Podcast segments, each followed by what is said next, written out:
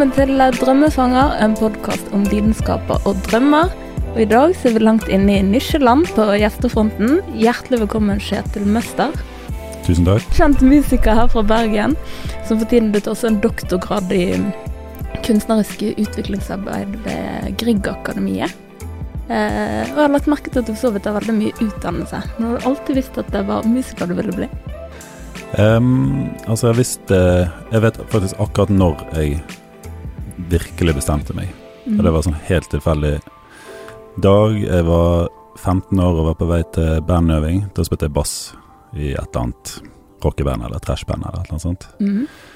Hvor gammel var du da? Da var jeg 15 år, Ja. og så gikk jeg uh, over rett forbi det som nå er Hva er det nå egentlig? Bankerotto het det før.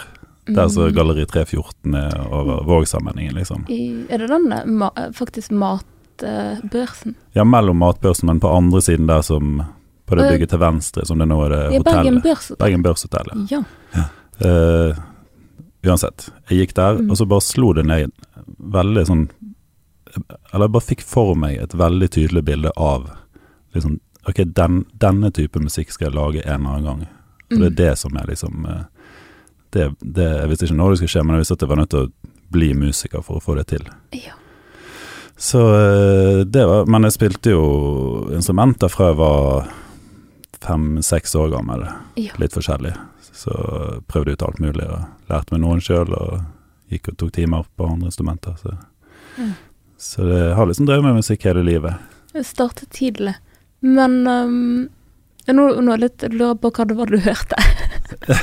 Den jeg, jeg, jeg, ikke, jeg, altså, jeg tror faktisk ikke jeg hørte noe. Jeg så det for meg, liksom. Altså, måte, jeg har alltid vært sånn at når jeg hører musikk, så får jeg veldig visuelle assosiasjoner, eller ser veldig tydelig for meg formasjoner og farger og sånne ting. Ja, Og, interessant. og det, det Så jeg vil heller si at jeg så for meg den musikken som jeg skulle lage en gang. Ja. Og så gikk jeg hjem og skrev en lapp, jeg kom på et bandnavn for dette bandet. Det skulle hete Blight Manna. Blight Manna. mann, som, som eh, Jeg måtte jo, være jo framme med engelskordboken, selvfølgelig, for å finne fram til de ordene. Eh, men Ja. det betyr da noe sånn som eh, Altså, mannen er jo det som liksom blir sendt fra himmelen. sant? Altså Det er jo en slags den der uh, grøde eller en velsignelse eller altså et eller annet som manna fra himmelen, det er Mm. uttrykk. Og blight betyr noe som er litt sånn trist og dunkelt eller blekt. Så Ok, Så det er Så- trist, altså noe trist sendt fra oven, da, egentlig? Ja, på en måte et eller annet sånn litt sånn tungt og alvorlig. Jeg vet ikke helt. Det var noe i hvert fall Og det skulle være litt med zen-buddhisme, og det skulle Ja. være litt med Ja, det var veldig ambisiøse greier. Jeg var 15 år og liksom midt i en sånn der eh, vesle voksen intellektuell oppvåkning. Så Men uansett, det, jeg husker fortsatt hvordan de bildene så ut. Ja, Mm. gud. Det er tide. Med tanke på liksom Oi, hvor du er nå, da. Ja. Ja. Og nå på den siste platen så er det faktisk en låt som het En del av en låt som heter 'Blightness', som Mm. er litt av den. Der har du fått hentet inn den.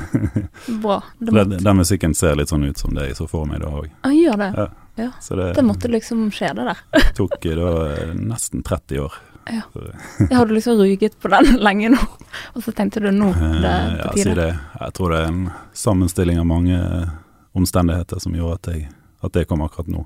Mm. Jeg fortalte denne historien her, ikke akkurat om det der Blight Mann og alt det der, men eh, om eh, når jeg fikk dette bildet for meg i en sånn dokumentarfilm som jeg sånn delvis med på. Ja, så ja.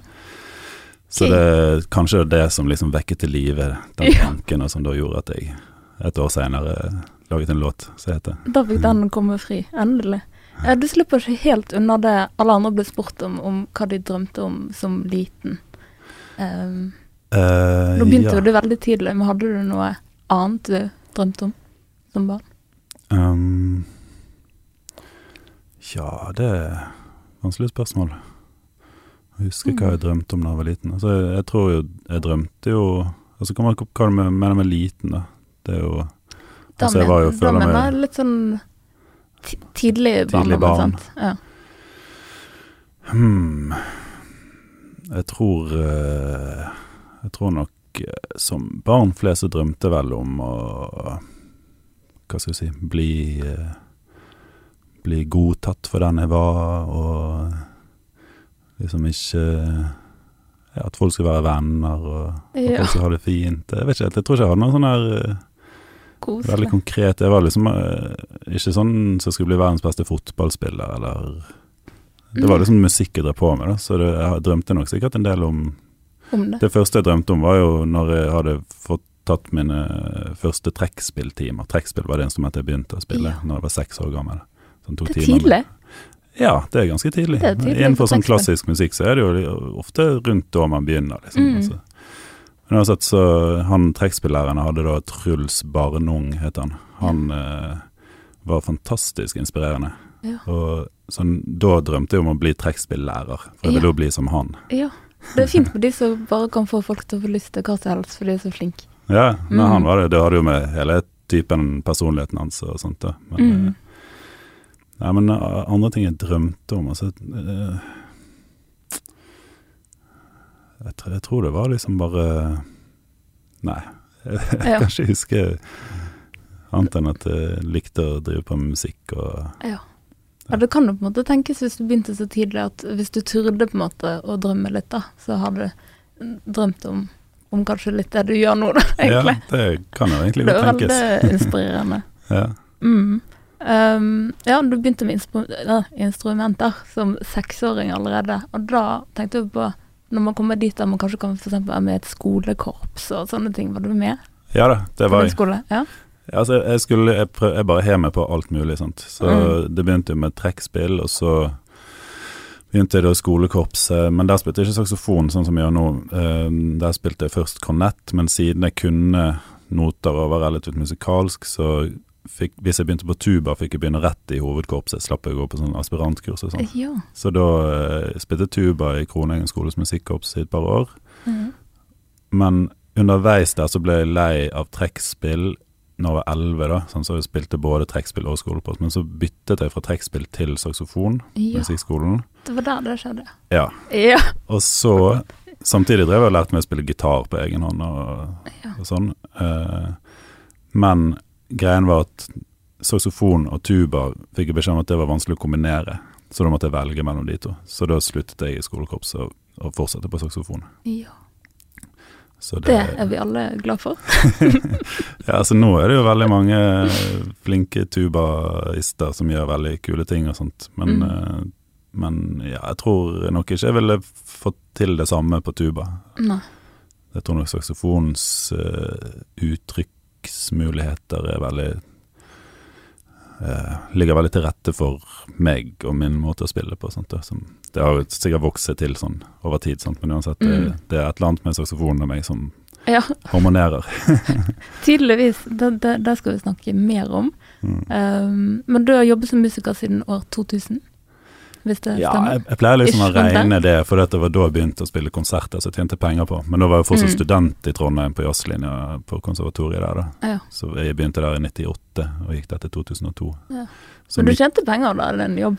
Ja, altså jeg, jeg pleier litt for enkelt ikke. Det er fint rundt tall, og det var det, var Ja. det året jeg uh, spilte med Molde for første gang. Eh, Var fortsatt student, men spilte med Chick Corea, som var en giga Som er en giga piano-jazzstjerne. så jeg var fortsatt student, men jeg kaller meg liksom regner det som at da tok jeg liksom steg over i de i Mm. hvert fall semiprofesjonelles eh, verden, da. Ja. Selv om jeg fortsatt var student.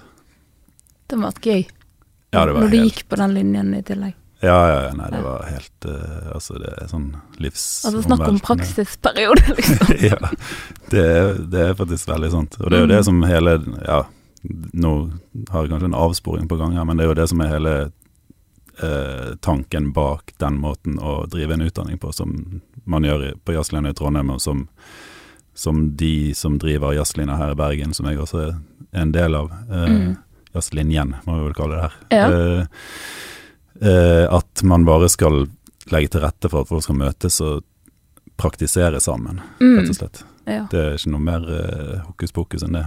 Men Mm. det, det var jo det vi fikk, sant. Og den muligheten der på Molde Jazz med Chicoria, sant. Det var jo helt Altså, det var jo Ja, det var ganske sånn uh, Satte en ny standard for hva som var mulig i Norge. Et, Absolutt. et storband, eller et slags storband, og det var en litt sånn et stort ensemble, kan du si. Mm. Med blanding av studenter og profesjonelle lærerne våre og sånt, som samlet seg for å spille med den megastjernen. Sant? Det er liksom direkte linje fra Miles Davis til oss via Ja. han. Herlighet. Men fikk alle det, eller var det på en måte bare noen? Nei, det var noen. Det var på Mm. måte en, et band som var satt sammen av han Erlend Skomsvold, som han heter, han som skrev, som arrangerte musikken til Chick Corea for, for det, denne besetningen. Og så ble det jo det ble jo sinnssykt bra, rett og slett. Mm. Jeg kunne tillate meg å si, siden jeg var en såpass liten del av det. Men, eh, men eh, det var jo helt sånn, altså Ternekast seksene haglet jo, eh, liksom, Ja. sant. Og det var jo bare Bare det hele formatet var jo helt sånn banebrytende på den tiden. Ikke så gøy. Mm. Og nå holder du på med denne ph.d.-en din i kunstnerisk utviklingsarbeid ved Grieg Ja, Akademiet. det Um, og prosjektet, hvis jeg klarer å si det riktig nå, heter 'Playing the Electrophonic saxofon, ja. Saxofon, Ja. Mhm. Um, ja, vil du fortelle litt mer om det prosjektet? Ja, um, altså det er jo det med Altså jeg kunne aldri gått inn, eller kunne sikkert det, men det ville kostet meg Kostet veldig mye av spillende, utøvende praksisen min hvis jeg skulle gått inn i en vitenskapelig ph.d., det som de fleste tenker på som forskning, altså at du Mm. går inn på et laboratorium og undersøker noe vitenskapelig etter diverse metoder, Mm. og kommer fram til en teori og, og så videre. Så, så det er jo det at dette her feltet som heter kunstnerisk utviklingsarbeid, er liksom I Sverige heter det kunstnerlig forskning, og artistic research heter det på engelsk. Sant? Så det er på en måte en At du forsker gjennom å utøve, så kommer du fram til noen ting. Så du stiller på en måte spørsmål gjennom å gjøre noen ting. Og du finner ut av ting gjennom å gjøre noen ting. Mm. Eh, som jeg vil tro er den eneste måten å finne ut av ting når man gjør noen ting. Er det Ja. man driver med, at man gjør noen ting. Mm. Sant? I hvert fall innenfor musikk. ja, og kunst, eh, altså billedkunst eller eh, Ja, nå leser jeg en spennende bok om en som sammenligner også kunst og antropologi og arkeologi og Mm. Ar eh, Sa jeg arkitektur? Nei. Nei, men jeg tenkte det. Det, men det, var, det er i hvert fall eh, Mm. Så, så det, det er på en måte Prøver å finne ut av hva vi kan finne ut av. Hvilken kunnskap og hvilke nye ting. Altså hvordan kan vi utvikle nye uttrykk og ny kunst gjennom å sette det inn i en slags sånn forskningskontekst. da. Mm. Uten at det skal gjøre at man skal begynne å analysere det man holder på med og komme fram til noe svar. eller sånt. Egentlig bare en måte å generere nye måter å gjøre ting på, kanskje. Eller Mm. for, som det, og det skjer jo hele tiden i samfunnet ellers. Så det er egentlig ikke noe annet enn at man driver med kunst, men samtidig så må man også klare å oversette det til et språk som det akademiske måte, feltet kan forstå. sant? Ja. Så du må, du må, du må liksom Du trenger ikke liksom forklare 'jeg gjorde sånn og sånn, og så skjedde det', men du må, Mm. du må reflektere rundt det på en måte som gjør at det er mulig for andre å forstå. Og det Ja. tenker jeg er bra for ja. for mener, det ville sikkert vært givende for deg òg, hvis du hørte platen, og så kunne du samtidig lese hva jeg, på en måte, hvilke prosesser som kanskje oppsto når vi laget musikken, eller hva som ligger tilbake til grunn for det som blir laget, eller Mm. Så det, det er bare sånn der eh, Men stiller det noen krav til at du må gjøre noe nytt? Um, og du må prøve ut det- nye ting som du kanskje ellers ikke ville uh, prøvd, da? Ja, altså ikke nødvendigvis at Altså, jeg kunne gjerne prøvd det i hva skal jeg si, det frie livet, eller altså utenfor institusjonen, men, men det må være noe nytt ved det, ja. Mm. Det, det, det, og, men det kan jo være noe nytt ved sånn, Det er en annen stipendiat her i Bergen, en pianist som heter Natalia, som eh, jobber med Bach, liksom, altså Mm. Das Voltempretes klavier, som er eh, liksom ut, utgangspunktet for uh, moderne piano, Ja. egentlig. Altså moderne etter 17, whatever, 80, 90, 1800. Ja. Uh, men uh, poenget er i hvert fall eh, at man kan finne nye ting i det òg. Så ikke Mm. at man må liksom utvikle et helt nytt instrument eller en ny måte å lage musikk på, men Mm. små deler inni det som Mm. skjer når man lager musikk, må være et eller annet nytt med det. Ja. Og det må formidles på en eller annen eksplisitt måte at Du Ja. kan ikke bare liksom lage Du kan vel sikkert det òg, jeg vet ikke. Det er ganske løst, dette feltet. Og veldig nytt felt. Ja. Så det er ikke så mye sånn rammer og regler som har utviklet seg ennå. Ja, for jeg tenker det oppstår ofte når du prøver noe nytt eh, innenfor kunst, at man ikke alltid vet hvorfor det skjedde, men man blir veldig fornøyd med at det skjedde, fordi at det ble noe kult og nytt, sant. Ja. Men, men her må du kunne gjøre rede ja, du må jo på en eller annen måte følge med på prosessen, da. mm. som, du, som doktorgraden din er, Ja. og klare å gjengi et eller annet av tanker eller refleksjoner som det har generert, Ja. kanskje. Og det du da har kommet fram til, det la grunnlaget for platen som kom ut nå i fjor. Det er en stor del av det arbeidet som er gjort, ja. Ja. Så, så den kom jo nå rett før jul, så Mm. den er fortsatt fersk, men, men eh, den kom i fjor. Ja. Mm. Hvordan jobbet dere med den eh, platen? Eh, altså den er en stor del av det som jeg driver med i det, det der eh, doktorgradsarbeidet. Det er, handler liksom om hvordan eh, vi påvirker hverandre når vi samhandler, egentlig. Eller samspiller, da, i mitt tilfelle. Men jeg liker å prøve å overføre det til sånn generelle ting i livet. Mm. Så, så prosessen Det er egentlig to plater som, som jeg, jeg kaller det utgjør liksom the book ends, det er det fancy engelsk uttrykk, men Mm. liksom på hver sin side av eh, et stykke arbeid. Så i begynnelsen så laget vi en plate som kom i 2018, Mm.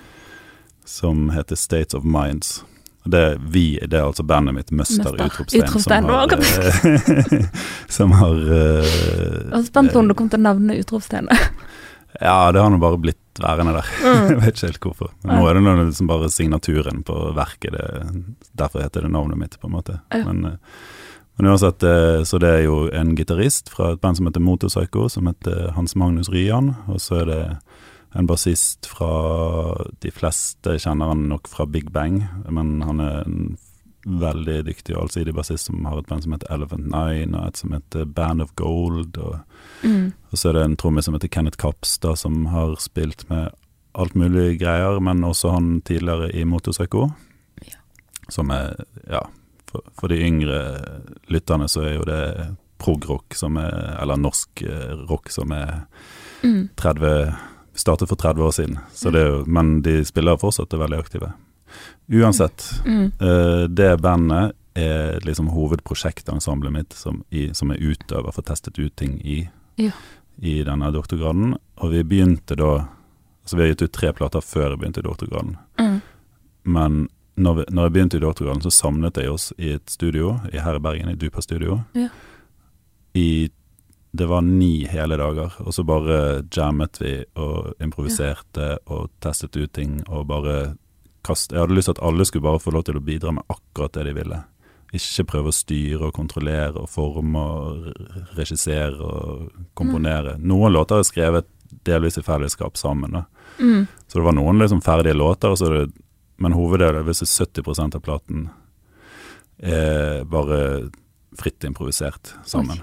Og så etterpå så har jeg og Jørgen Treen editert og komponert liksom ut ifra det materialet som vi bare skapte sammen. Mm. Helt fritt og, og improvisert. Og så har jeg liksom da, Dette var veldig tidlig i prosjektet, så brukte jeg jo tid på dette, så ville jeg jobbe Mm. med det. sant, Og så har jeg da eh, brukt den platen og prøvd å måtte, destillere mange av de elementene som er på den forrige Mm. platen, for å lage musikken som er på den nye platen. Ja.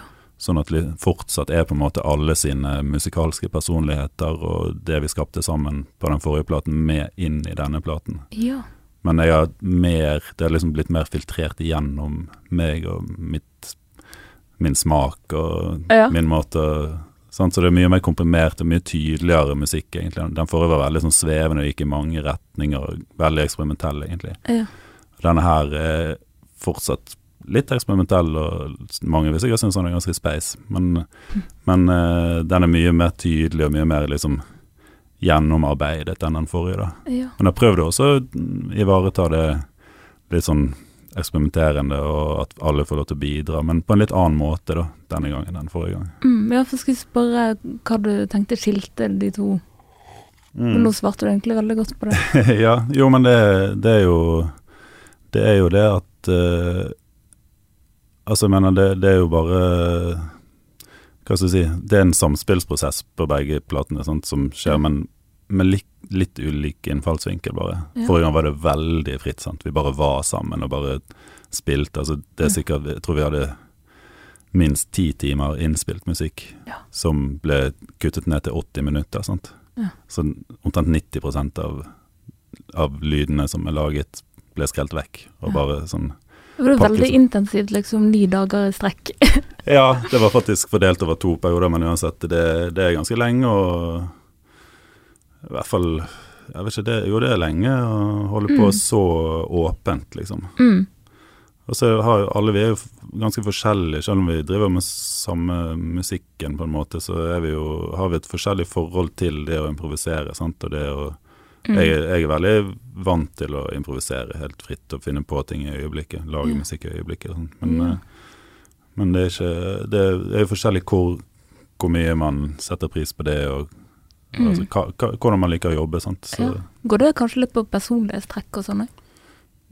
det kan det helt Det gjør det helt sikkert for mange. Mm.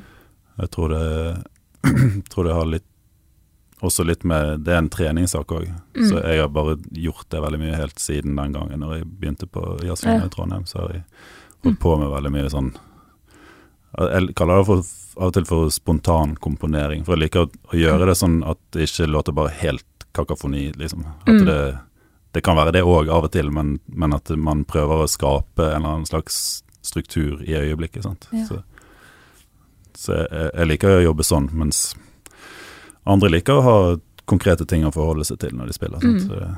Men det, er det en slags muskel man trener opp litt med tid? Ja, Mm. jeg tror det. Altså du vet sånn slam poetry-folk, eller Mm. eh, folk som eh, er gode til å lage mat uten oppskrift, eller altså det, det, det er liksom det der med Du må forestille deg ulike Ja. sammensetninger av ord, eller ulike smaker, eller ulike lyder, Mm. og prøver. og Så må du ha en litt sånn oversikt mens du gjør det. Sant? Hva de har gjort, og hvor vil jeg, og hva gjør de andre? Sant? Så det er Ja. veldig sånn der eh, Ja. Mange ting som liksom påvirker samtidig. Da, da kommer jo denne Hvis du hadde et veldig visuelt eh, eh, Hva skal jeg kalle det, Mm. da? Altså du har et visuelt eh, inntrykk av musikken du lager, da, at det kan nok bidra. Ja, det sånn det er faktisk prosess. veldig sant. Og det har Mm. jeg egentlig ikke tenkt så mye på. Å få det eh, overblikket på en måte i øyeblikket. Ja, du, i hvert fall hvis du har Det er lettere å se formasjoner foran seg, å se strukturer i formasjoner, enn å huske Mm. lyder og skulle strukturere de. Så det er sikkert veldig sant. Mm. Um, hvordan ser din prosess ut når du lager musikk? Du kom litt inn på det nå, men uh, Ja, ja altså når du ikke gjør det, gjør du det alltid på den måten, eller? Nei, Nei. det kan Ja, ja det er faktisk Dette kommer jeg sikkert til å skrive om i ph.d.-en min òg, men, eh, men eh, altså, jeg tror Egentlig er det nok mye den samme prosessen, for at jeg egentlig assosierer veldig mye Assosierer meg videre, liksom, Mm. fra det ene til det andre. Om, om det er i øyeblikket når jeg spiller med folk, eller om det er når jeg lager musikk, Mm. sitter foran en data eller skriver ned på noter, så, så er det jo en, en eller annen måte å assosiere seg videre fra det ene til det andre. Sant? Kanskje en idé som sparker et eller annet, og så, Mm. og så å ja, kommer du videre til det, så kommer du videre til det. Så, så det er jo en eller annen Jeg tenker nesten på det som en improvisasjon, egentlig, å sitte foran en Ja. Jeg jeg skrev nettopp eh, jeg skal- Vi skal ha sånn eh, Med Bergen Big Band så skal det være sånn prosjekt nå med sånn egne komponister, heter det der. Mm.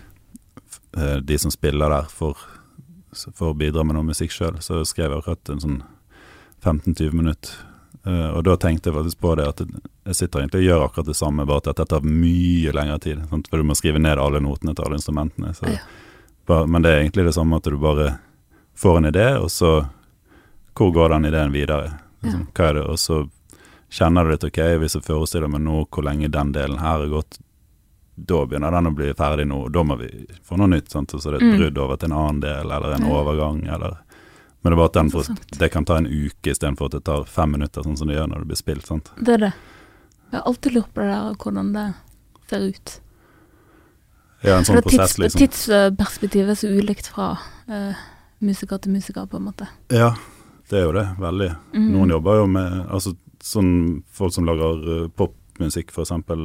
kan jobbe med en plate i et år eller to, eller Mm. sant, og bare gå så sinnssykt langt inn i hver eneste lille detalj. Ja. Som gir jo en veldig sånn, hva skal jeg si, fortettet innhold, på en måte, sant. Mm. Kan det gjøre, i hvert fall. Det blir veldig sånn tettpakket med innhold. Ja, og da tenkte jeg på, for det, når du jobber såpass mye med andre artister og musikere som du gjør, sant? må du da hele tiden tilpasse seg deres prosess igjen, sant? Og, og hvor blir du dratt, altså når i løpet blir du dratt inn, eksempel, og Mm. hvor mye tilpasning må til, og hvor mye Ja. Ja, hvordan ser det der ut? Viser jo bare det ferdige Ja, resultatet, sant, som ofte er utrolig kult, men uh. Ja, nei, det er jo veldig Altså, jeg, jeg liker veldig godt akkurat det der uh, å bli invitert inn i, i andre sine prosjekter.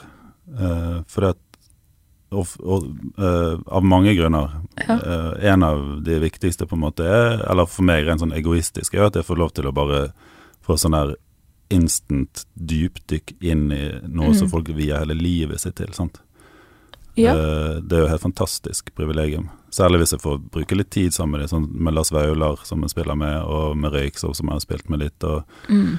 Og det å få komme inn i deres verden og bare liksom være til stede og jobbe sammen med dem, og liksom få min praksis i så nær kontakt med det de holder på Med med, det er jo eh, utrolig givende. sant? Mm.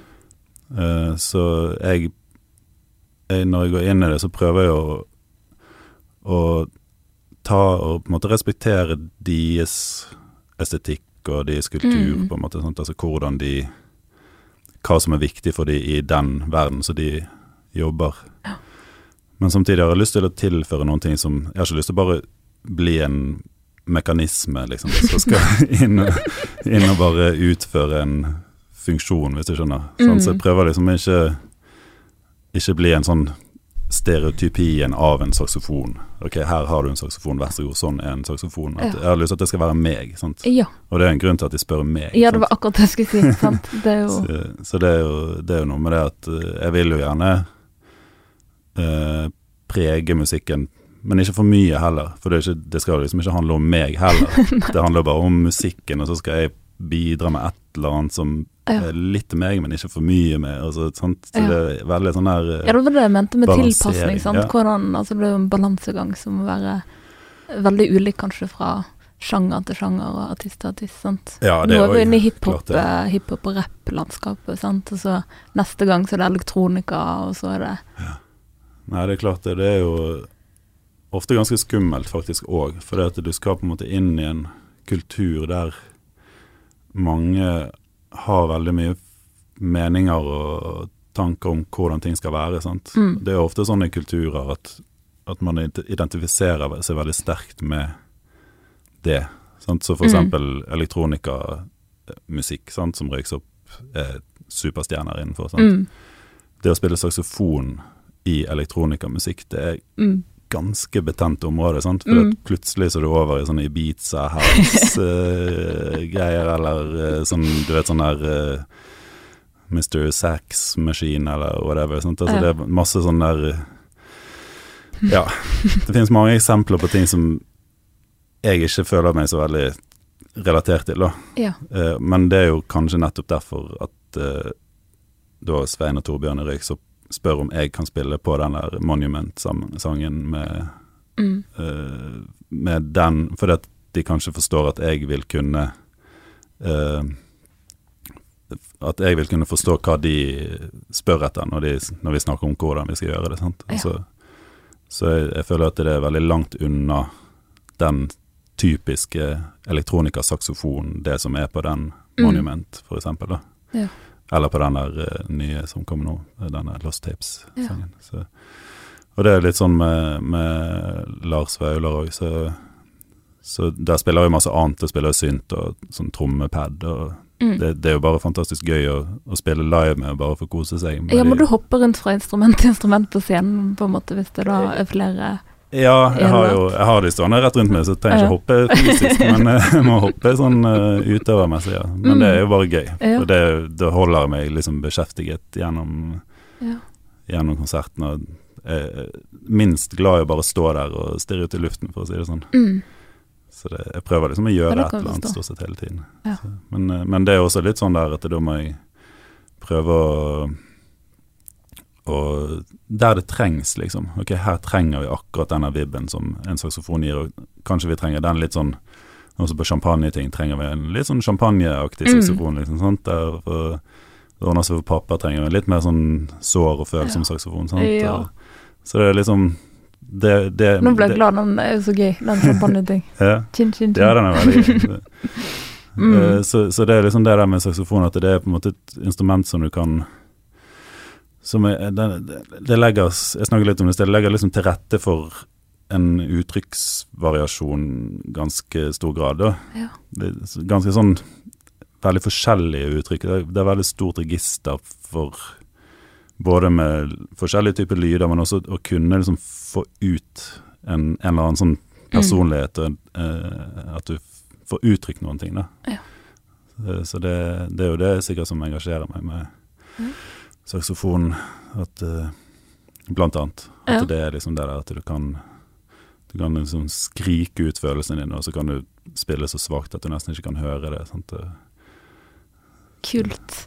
Hvis du har lyst til å sette um, typen signatur da, på noe, um, hvordan vil du si at du gjør det?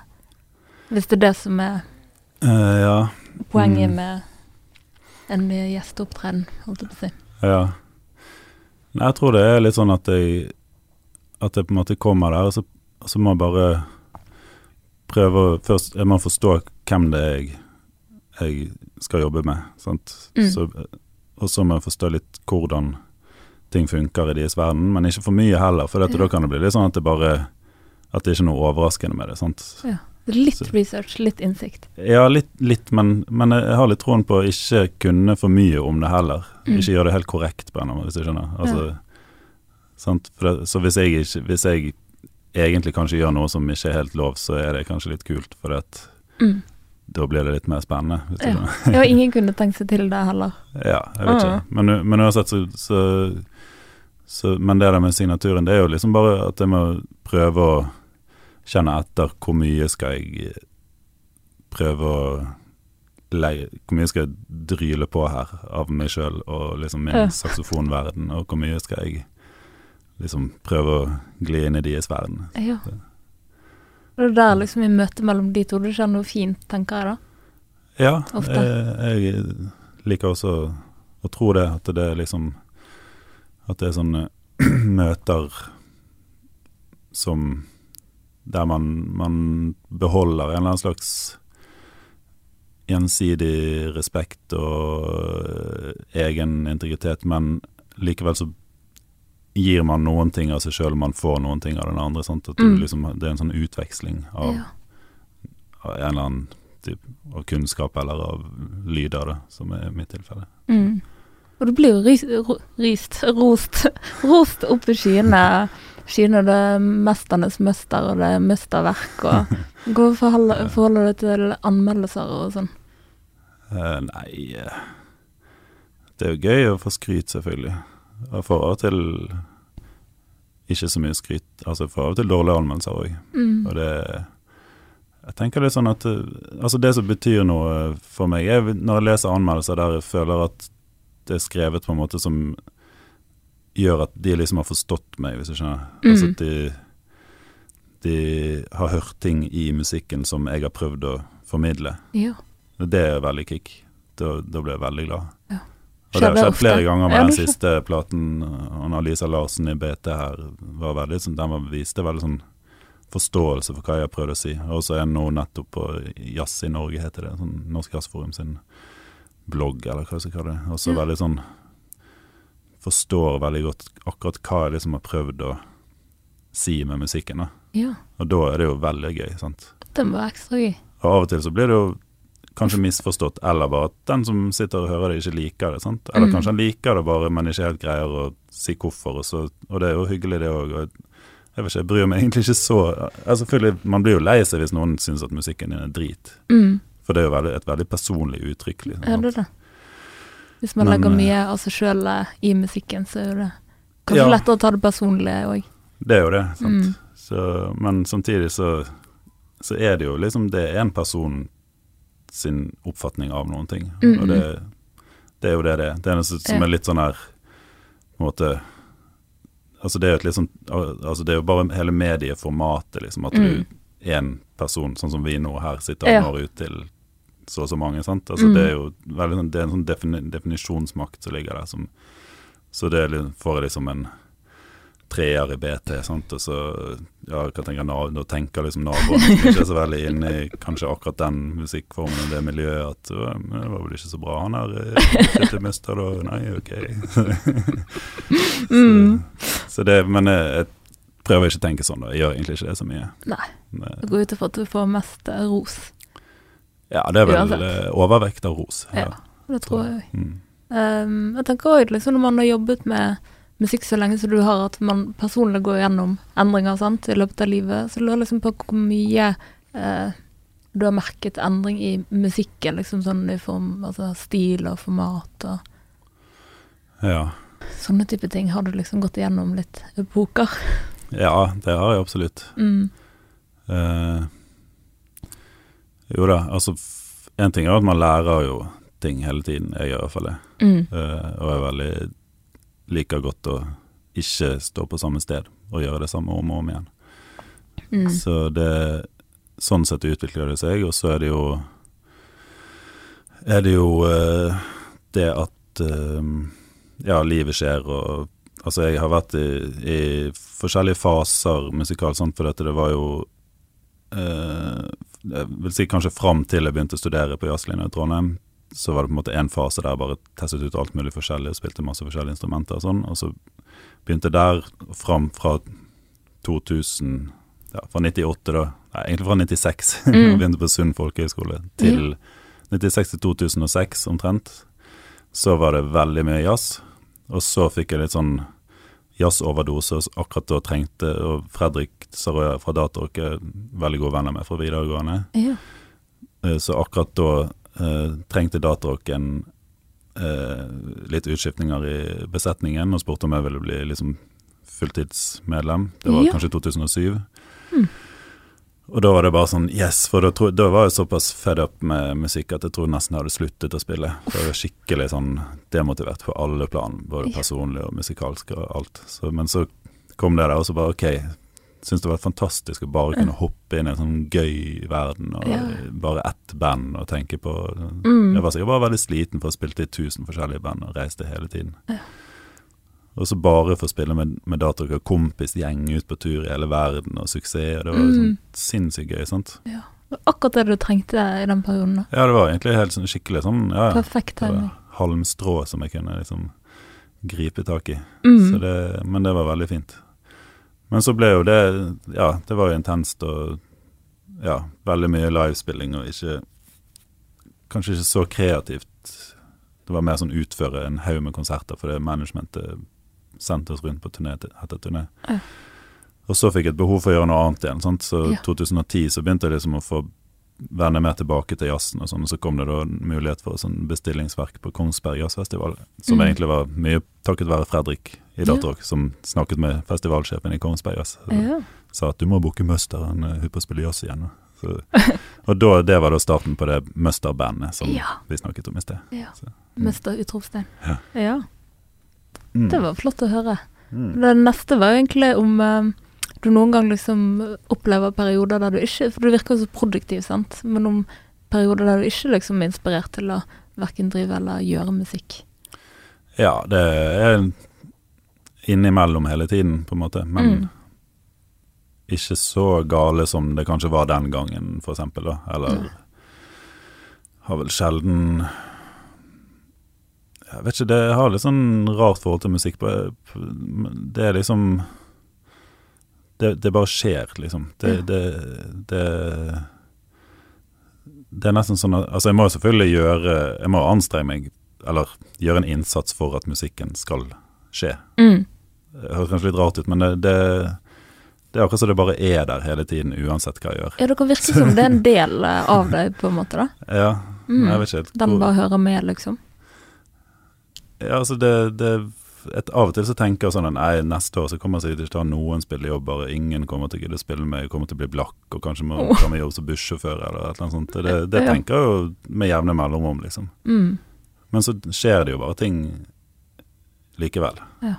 Og det er vel bare det at man er inne i en slags sånn der det, Man er i en sånn prosess Det er blitt en sånn naturlig del av livet, kanskje, at det bare Mm. fortsetter å være der, selv om en vil eller ikke. Kanskje det hører med når man på en måte driver med noe kunstnerisk eller kreativt, Ja. å få det der begynne der. Altså, jeg har jo, jeg har jo det i hodet mitt hele der, min våkne tid, Mm. stort sett. Så det, jeg er nok litt, en litt fjern person å leve sammen med, sånn sett. Er du mer inne i den verdenen enn her? Ja, jeg vet ikke helt om de har smeltet helt sammen, eller. Men, men eh, det Jeg vet ikke helt. Det, det er jo litt sånn Jeg vet ikke, det blir jo litt sånn uh, elsk-hat-forhold på en eller annen måte. Altså Mm. det er helt sånn Du blir helt avhengig av det, men samtidig så blir du helt gal av det, for det er der hele tiden. Sant? Ja. Sitter hjemme med frokostbordet, så begynner jeg å tromme på bordet, sant, og forsvinner. Og, hallo, hallo, hallo. Så må jeg liksom hentes tilbake. Så, Men det er jo sant, det er jo en veldig stor del av livet ditt, dette du jobber med, det er dette du er interessert i, det er dette du har studert. sant? Altså, Det har jo tatt alle de hjørnene av Ja. livet, på en måte, har jo den fløtet inn i. sant? Ja, nå, det er jo sant. Så folk sier ja, du er så heldig som får jobbe med hobbyen din, men det er jo på en måte Ja, jeg er absolutt heldig, men det er jo også en forbannelse, for du får jo aldri fri. sant. Ja. Det er jo, du kan aldri, Alltid på jobb. Ja. Mm. Nå akkurat nå siste halvåret blitt med i en sånn her eh, loddeklubb. Det, det er lodder liksom elektroniske ting og sånn. Akkurat det å, å få en interesse for sånne helt sånne konkrete fysiske ting, sånn som det bare gjør, sette sammen sånne her elektroniske komponenter, det syns jeg det er veldig Jeg har ikke gjort det, kom så veldig dypt inn i denne, men det jeg merker at det var Det er et avbrekk. Ja, det var veldig sånn Litt sånn som folk snakker Mange kunstnere snakker om det, sånt fysisk arbeid og Ja. sånn som de maler hus eller graver i jorden eller sånne ting. Jeg, Mm. Jeg tror den her sånn loddekretskort kan kanskje komme til å bli noen ting som jeg Ja. gjør av sånn Jording ja. Og Mm. selvfølgelig er det å bare stå og spille på en saksofon, det er veldig praktisk det òg, men samtidig det er så utrolig knyttet til så mange Ja. Tanker hele tiden som har ballet på seg gjennom 30 år med Ja. utøving. Sant? Så, Utrolig. Nei, jeg bare tenkte, jeg stoppet litt opp og tenkte på at det må jo òg være litt eh, kanskje slitsomt, da. jo, men det er jo det. Sant? For du får jo aldri fri, som sagt. Det, Kanskje på natten når du sover, men du drømmer kanskje Du drømmer Ja. kanskje musikk òg. ja, den sovingen min tror jeg ikke vi skal begynne å snakke om, men det, Nei. Det Jo da, får litt fri. Ja. Når jeg klarer å sove. Når du klarer å sove. Ja, er du våken da fordi at du blir så ivrig og vil lage nye ting og um, Jeg vet ikke om jeg Jeg vet ikke helt hva det er. Jeg våkner, og så er jeg helt våken, selv om jeg bare har sovet noen få timer. Ja. Så, men så da ligger jeg ofte og tenker på musikk, eller jeg stresser med et eller annet. Ja. Som eller en deadline eller et eller annet sånt. Men eh, det kan jo være hva, som helst. Jeg har hatt eh, ganske produktive timer om natten der jeg bare har ligget og vært våken og egentlig løst kanskje musikalske problemer med en eller annen låt som ja. Altså Jeg tror det er mye bra som er blitt laget eh, på natten, faktisk. insomnia. Mm.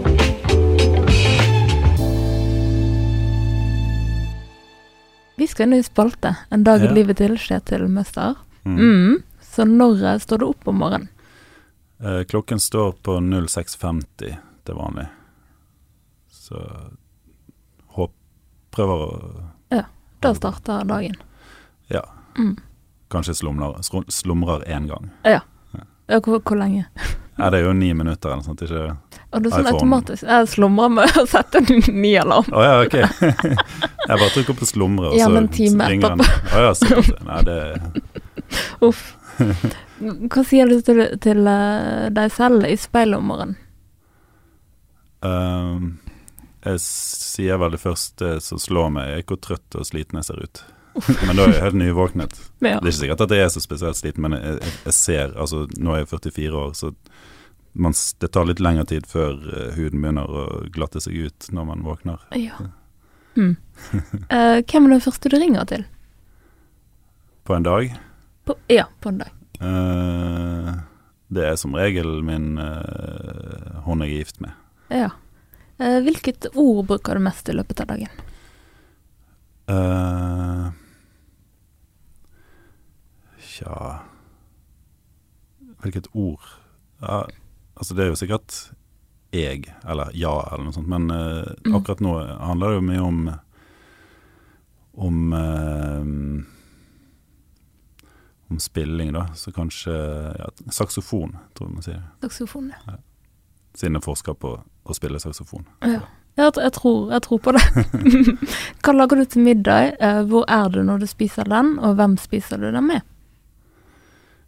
Hvor jeg er når jeg Kan du gjenta spørsmålet? Ja. Eh, Hva lager du til middag? Mm. Hvor er du når du spiser den, og hvem spiser du den med? Jeg lager uh, mye forskjellig, men det er jo Vi har en hverdag med to unger, som, uh, så det blir jo gjerne noe spagetti eller en uh, linsegryte eller -huh. en eh, Og jeg lager den hjemme på kjøkkenet vårt i Tordenskiolds gate i Bergen. Mm. Og jeg spiser den nesten alltid med min eh, kone og eh, barn. Der kom den. Ja. hele familien, altså. Ja. Eh, Hva gjør du på en fridag? Det blir faktisk ganske ofte en tur. Mhm. Skog og mark? Eh, ja, opp på Fløyen. på Siden vi bor på Skansen, så er det Ja. Ganske Det er jo opplagt. nabolaget ditt, nesten, det. Det er jo egentlig det. Ja. Så, så ofte tur. Eller kanskje liksom gjøre ærend og sånn til byen og på kafé. Ja. Koselig. Eh, Hvilke podkaster hører du på? Jeg er Jeg er altså ikke kommet helt inn i podkast-gamet, må jeg innrømme. Det må jeg gjøre noe med nå, som jeg er på en podkast. Ja, nå eh, Så jeg tar gjerne imot tips. Men Ja. eh, altså, jeg har hørt på Jeg husker ikke hva de heter engang. Jeg har hørt på en ja, sånn politisk kommentatortype fra USA som var litt spennende. ja. Litt om uh, forskjellig musikk, men jeg jeg husker ikke navnet på noen av dem. Nei, kan det være Aftenposten sin sånn eh, denne spesiale USA-korrespondent-episoden? Ja, det var en sånn amerikansk podkast. Ja, ok. Uh, De er det mange, da.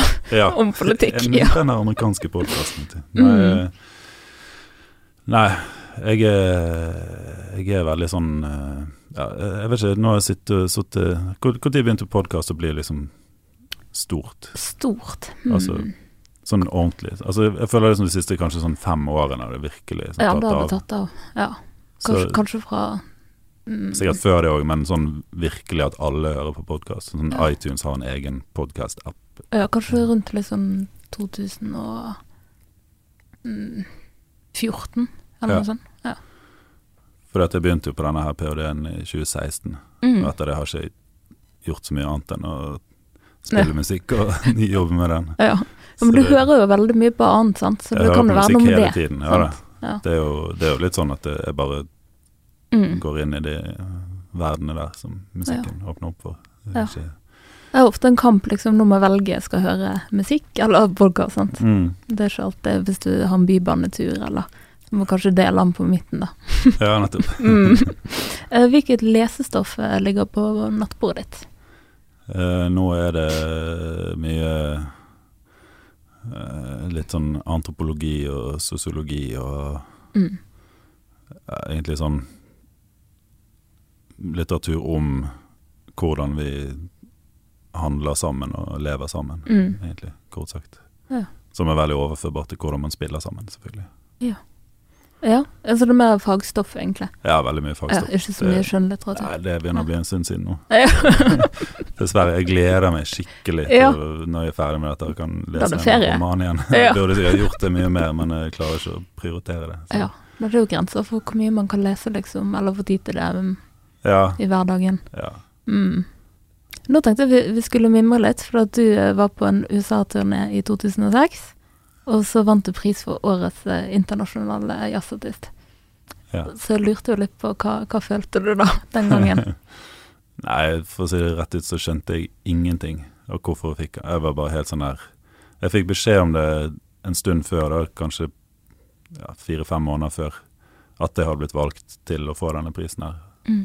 Som ikke noe sånn superkjent greie, men det var en veldig stor utmerkelse, for det alle de store jazzfestivalene i verden og en stor organisasjon for jazzutdanninger i verden Mm. sammen, som valgte da ut Sånn så alle disse nominerte forskjellige kandidater, og så ble jeg valgt til å få den. Mm. Så det var Og kriteriet var at man var så her under 30, og jeg var jo da 29. Ja. Så Du var på hengende hår. Ja, skikkelig. Men, eh, men så fikk jeg beskjed om Jeg var på turné med et band jeg spilte i, som het Ultralyd, som var ganske sånn eh, kompromissløst, eksperimentelt eh, band i en slags sånn der eh, støyrock eh, ja, sjanger. Så Mm. vi var på turné og spilte på en eller annen sånn squat i Genéve eller et eller annet sånt. Og så fikk jeg telefon fra da han som da var leder for Molde Jazz, om at jeg skulle få den prisen. Og jeg var bare helt sånn Hæ? Er du sikker på at du ikke har tatt helt feil og ringte rett person? Og helt sånn. Ja. Og så, Men du klarte egentlig ikke å tro på det, da? Nei, jeg bare skjønte ikke helt hvorfor. For dette finnes så sinn... Altså, jeg tenkte jo bare det at ja, men hvis du skal vinne en sånn jazzpris, da må du være sånn dritgod å spille sånn jazz-jazz. Mm. Racerfort, uh, bebop-fraser og liksom kunne alle jazzstandardlåtene i hele verden i alle tonearter. Ja. Men så jeg ble jo egentlig veldig glad for det, for det viste jo at altså jeg, jeg har jo jobbet med de tingene, men det har aldri vært det som har vært min, mitt hovedfokus når jeg har studert jazzmusikk. Mm. Så jeg ble jo veldig glad for at de verdsatte liksom en annen innfallsvinkel til å spille jazz, da. Mm.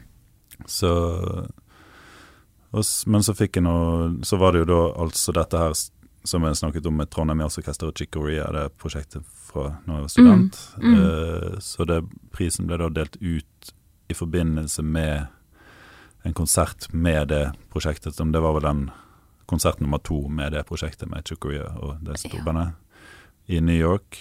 Oi. Da på denne, en sånn svær konferanse som var der. Ja. Så da fikk jeg den prisen av Chicoria da, på Ja. scenen. Du, ja, ok. Gud. det var veldig Det var et spesielt. stort eh, øyeblikk. Ja, det var helt eh, Wow. Det er ganske absurd. Ja. Sånn fyr fra Norge som har spilt masse rar musikk og litt pop og litt uh, alt mulig, og så skal du plutselig få stå i New York og få en sånn pris av en fyr som spilte. Piano, elpiano med Miles Davis i flere år. Mm. Wow. Det må ha vært et stort eh, høydepunkt fortsatt i ja, det var jo det. Mm. Absolutt. Samtidig så var det jo egentlig akkurat da at jeg fikk denne her overdosen som vi snakket om i sted, med jazz og begynte Mm. å spille med data også. Så det, det skjedde jo et eller annet der. For det, det som også skjedde, var jo at jeg, jeg gjennom den prisen da fikk En del av prisen var at jeg skulle spille på mange jazzfestivaler rundt om i verden, egentlig. mm. Uh, og da fikk jeg jo se en del av jazzscenen som jeg ikke hadde sett så mye av, som er den mer sånn hva skal du si, konforme jazzscenen. Altså mer Mm. sånn jazzfestival i Italia eller i Istanbul eller sånn og sånn. Sant? Og jeg gjorde jo som jeg ville, og tok med en haug med bråkebøtter i de forskjellige bandene som jeg spilte med rundt på Mm. disse prisvinnerfestivalene, altså de prisvinnerkonsertene rundt omkring. da. Mm. Og det gikk jo ikke hjem i det hele tatt. Sant? Nei. Det var jo, for dette, det var jo altfor eksperimentelt. Ja. Og da skjønte jeg det at ok, den, jazz, den delen av jazzen som jeg har vært involvert i, det er egentlig bare en bitte liten del. Og det, de fleste vil ikke kalle det jazz engang. Nei. Det som folk kaller jazz, det er dette her. Mm. Og her er det liksom om å gjøre å høres mest ut som Charlie Parker gjorde i 1946. Sant? Og det Jeg fikk helt Altså jeg ble så demotivert at du Ja. aner det ikke. Det var helt Ja, sånn for da tenkte du at sånn, sånn må det være på en måte fremover. Nei, ja, eller jeg, jeg skjønte jo at det ville aldri være aktuelt for meg i det hele tatt. Mm. Så, så bare det, men bare det å innse at det er faktisk dette her folk tenker på når de Mm. tenker jazz og jazzfestival, det var helt sånn skikkelig skremmende. Så Ja. jeg bare Og skuffet, sånn skuffet, da, Stopp kanskje. toget, jeg vil av dette med en gang. Jeg, har ikke, jeg vil ikke. Så da, da Ja, sammen med mange ting, så Og Fredrik da kom og ga meg en enveisbillett på Mm. dataorgturné, så Da var det yes. var ikke det så vanskelig å velge, for å si det sånn. Uff. Men det må være et utrolig fint minne, i hvert fall, fra Ja, nei, Den det- selve utdelingen som du har prisen var jo fantastisk eh, glad og sånt. Altså, det var jo en utrolig sånn Så eh, tillitserklæring da. Mm. Norge sin representant. eh, Absolutt. Og 29 år bare, sant. Ja, ja, nei, det var jo fantastisk kult. Men, men det, det det på en måte viste meg, da, som var Det var på en måte en, kunne vært en billett inn i Mm. den virkelig sånn etablerte jazzfestivalverden. Det, det som jeg så der, der, der var det ikke rom for den musikken som jeg I hvert fall da var det ikke Jeg tror det endrer seg veldig, eller jeg vet at det endrer seg veldig nå, i Mm. løpet av de døde faktisk 15 år siden, sant? så det er så Det er lenge siden nå, ja. siden 2006 Wow, er det faktisk 15 år nå. Men i hvert fall, det, det, det Så det har absolutt endret seg veldig til det bedre, etter min mening. Og at ting har blitt mye mer åpent, at det er rom for mye flere typer uttrykk i jazzfestivalsegmentet. I Norge har det liksom alltid vært en selvfølge, sånn nattjazz her f.eks. Mm, det er ja. alltid promotert veldig ny og spennende musikk. Og, og, så det, det Og selvfølgelig i andre land òg, men der må du ned på et veldig, veldig sånn undergrunnssegment før du finner Ja, den musikken. Sant? Mens i Norge er den mye mer tilgjengelig, eller presenteres for et større, Større publikum. publikum. Så. Mm. Hm. Um, jeg kan da tenke meg at sant, Eller du får jo du får veldig mye forespørsler av folk som vil eh, jobbe sammen. Og du er jo med på veldig mye, men kanskje være med på alt. Så hvordan liksom luker du ut hva du har lyst til å bidra på? Um, Eller hva skal til for å jobbe med deg? Ja, altså Jeg må faktisk eh, nesten avsløre da at altså, Jeg sier ikke ja til alt, men sier ja til veldig mye. Mm. Det, det er ikke så Altså, det er ikke, ikke så sykt mange som spør om et spill. Det er bare at de, de er så bra, de som spør, så jeg Ja. må bare si ja til Ja. Nei da. Uh, jo da. Nei da. Det, Mm. det er Det er selvfølgelig en del forespørsmål, men det, det er faktisk seriøst. Altså, det, er ikke, det er ikke sånn at jeg må si nei til masse, masse. Heldigvis, egentlig. Så prøver jeg bare å få klemt inn ting. Og så Det handler litt om hvor si, tilgjengelig man gjør seg òg, kanskje. Sant? Mm. Altså, Ja. jo- Og så disse, de, når du jobber med artister, så er de veldig flinke til å trekke fram Ja, og så var Kjetil med på platen, og det gjorde sånn at det ble så og så. I hvert fall har jeg opplevd denne intervjuet til folk her i Bergen som du Ja. har spilt med. Ja, Mm. Ja det var sånn jeg ble presentert for det du holder på med. Mm. Ok. Det var veldig nei. gøy da du var med på Reinmannen, for eksempel. Da. Ja, ja. Det var Og det er jo typisk sånn, men det, det er jo så. Altså med, med store P, sant, og bare Det ble jo så komme bra. til han. Altså det, jo, det ble jo kjempefint, det, det var jo, men det var jo ikke noen kjempe Det krevde ikke noe sånn super innsats. Altså, han har jo gjort alt der. Sant? Og han, han, bare ved å være seg sjøl, det er nok det for meg til at jeg bare Jeg kan bare liksom soake opp i hans verden. verden, sant, og bare komme Mm. hjem til leiligheten, spille inn litt saksofon og utrolig bra ting å spille på. Det er liksom bare Ja. det er så, Når ting er så bra, når utgangspunktet er så bra, så, så er det egentlig ikke store jobben som kreves av meg. Jeg må bare liksom Jeg kan bare Bare servere. flyte ut noen toner, og så bare putter han det sammen på en Ja. nydelig måte. Så er det Ja, det ble bare han noe favoritt eh, på den platen? på renmannen. Mm. Ja, altså, jeg, jeg syns egentlig hele Hele platen er det sånn. Jeg liker veldig godt den der eh, Det er så Nå er det en stund siden jeg har hørt på den, men den eh,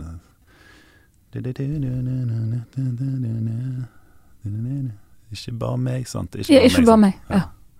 ja, ikke bare meg, sant. Mm. Ja, den er Den fin. er jo Det er vel egentlig da. en av mine favoritter. Ja, det er veldig fin. jeg syns egentlig hver låt er veldig bra Ja, ja, på det, det jo albumet. Det er jo Det er jo så soleklar sekser. da. Han Ja. fikk jo jats, maxi yatzy. Ja, ja, ja. Der òg var jo du nevnt. Ja.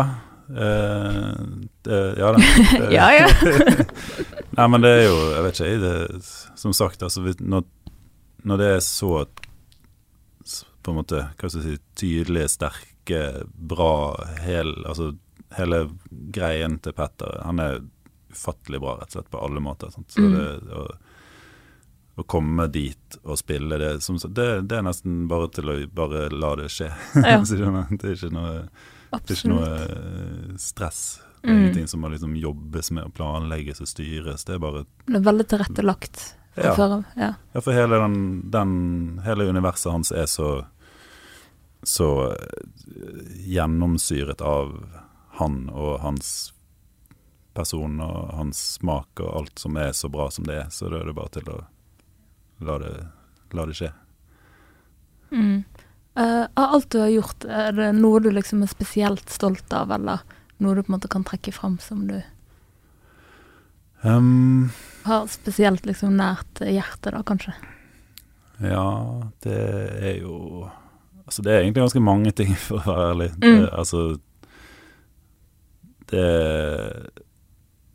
Det kunne jeg sikkert sagt ting med nesten alle tingene jeg har gjort som jeg syns som, føles, som føles veldig bra, da. Mm. Altså spesielt stolt av, eller som er Jeg vet ikke, det, det er vanskelig Men uh, mange av de jazztingene jeg gjorde sånn på 2000-tallet, står seg fortsatt, syns jeg, i min verden i hvert fall. Og Mm. uh, spilte mye med King Midas, et band som var veldig hot i Oslo, i hvert fall, Mm. da jeg bodde der rundt eh, 2000, og som fikk Spellemannspris på comeback-platen sin. Oi. Eh, Rosso, som det var vel må ha vært 2014 eller noe sånt, kanskje. Så de har vært fantastisk givende for meg å jobbe med, og som jeg syns at vi fikk til noen veldig bra ting, eller inkluderte saksofon i popmusikken på en veldig uh, fin måte, da. Uh, og så livekonsertene med datarock har jo vært Mm. et utall høyder, liksom. Ja. Ja. Og så selvfølgelig ja, de tingene med Røyksopp og Lars og Petter og Mm. alle de her greiene.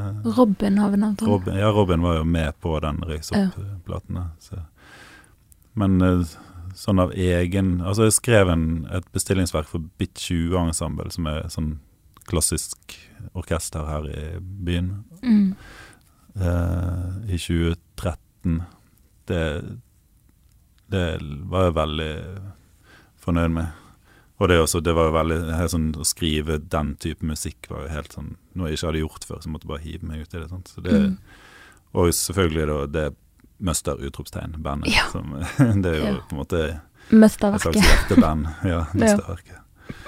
Ja, det er jo liksom Kanskje der jeg får alle de tankene og inspirasjonene, påvirkningene opp igjennom på en Mm. måte får samlet seg, da.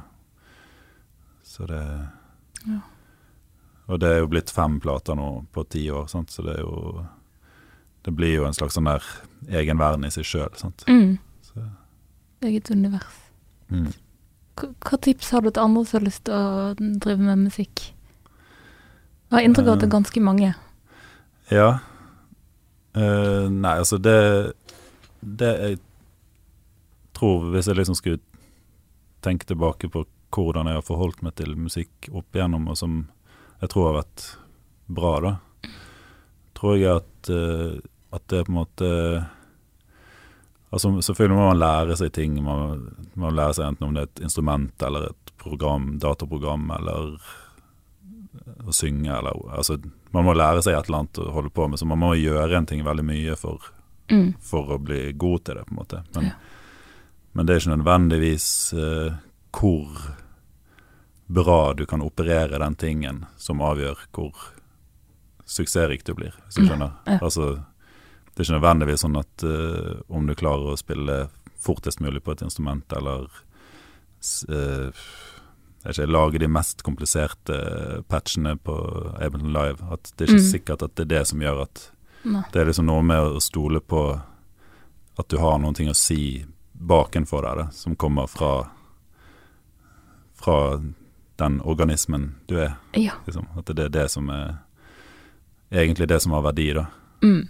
Et, altså instrumentet vi spiller på, eller det verktøyet man bruker for å formidle Mm. det man vil si, er jo Det er jo bare et verktøy, på en måte. Absolutt. Så det, det er liksom de Og så er det De mye som- utenforliggende som skal klaffe òg, sant. Det er jo litt sånn tricky bransje, kanskje.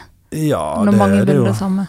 kommer jo veldig an på hva du er på jakt etter. Sant? Altså, jeg har jo aldri vært sånn veldig uh, på jakt etter kanskje stor suksess på den måten. Altså, det, suksess selvfølgelig kan være mange ting, men eh, det er ikke det at mitt mål er ikke å spille på utsolgt røykeri en gang i året. på en måte. Altså det, selvfølgelig hadde det vært kult, men det er ikke det, det, er ikke det hovedagendaen min.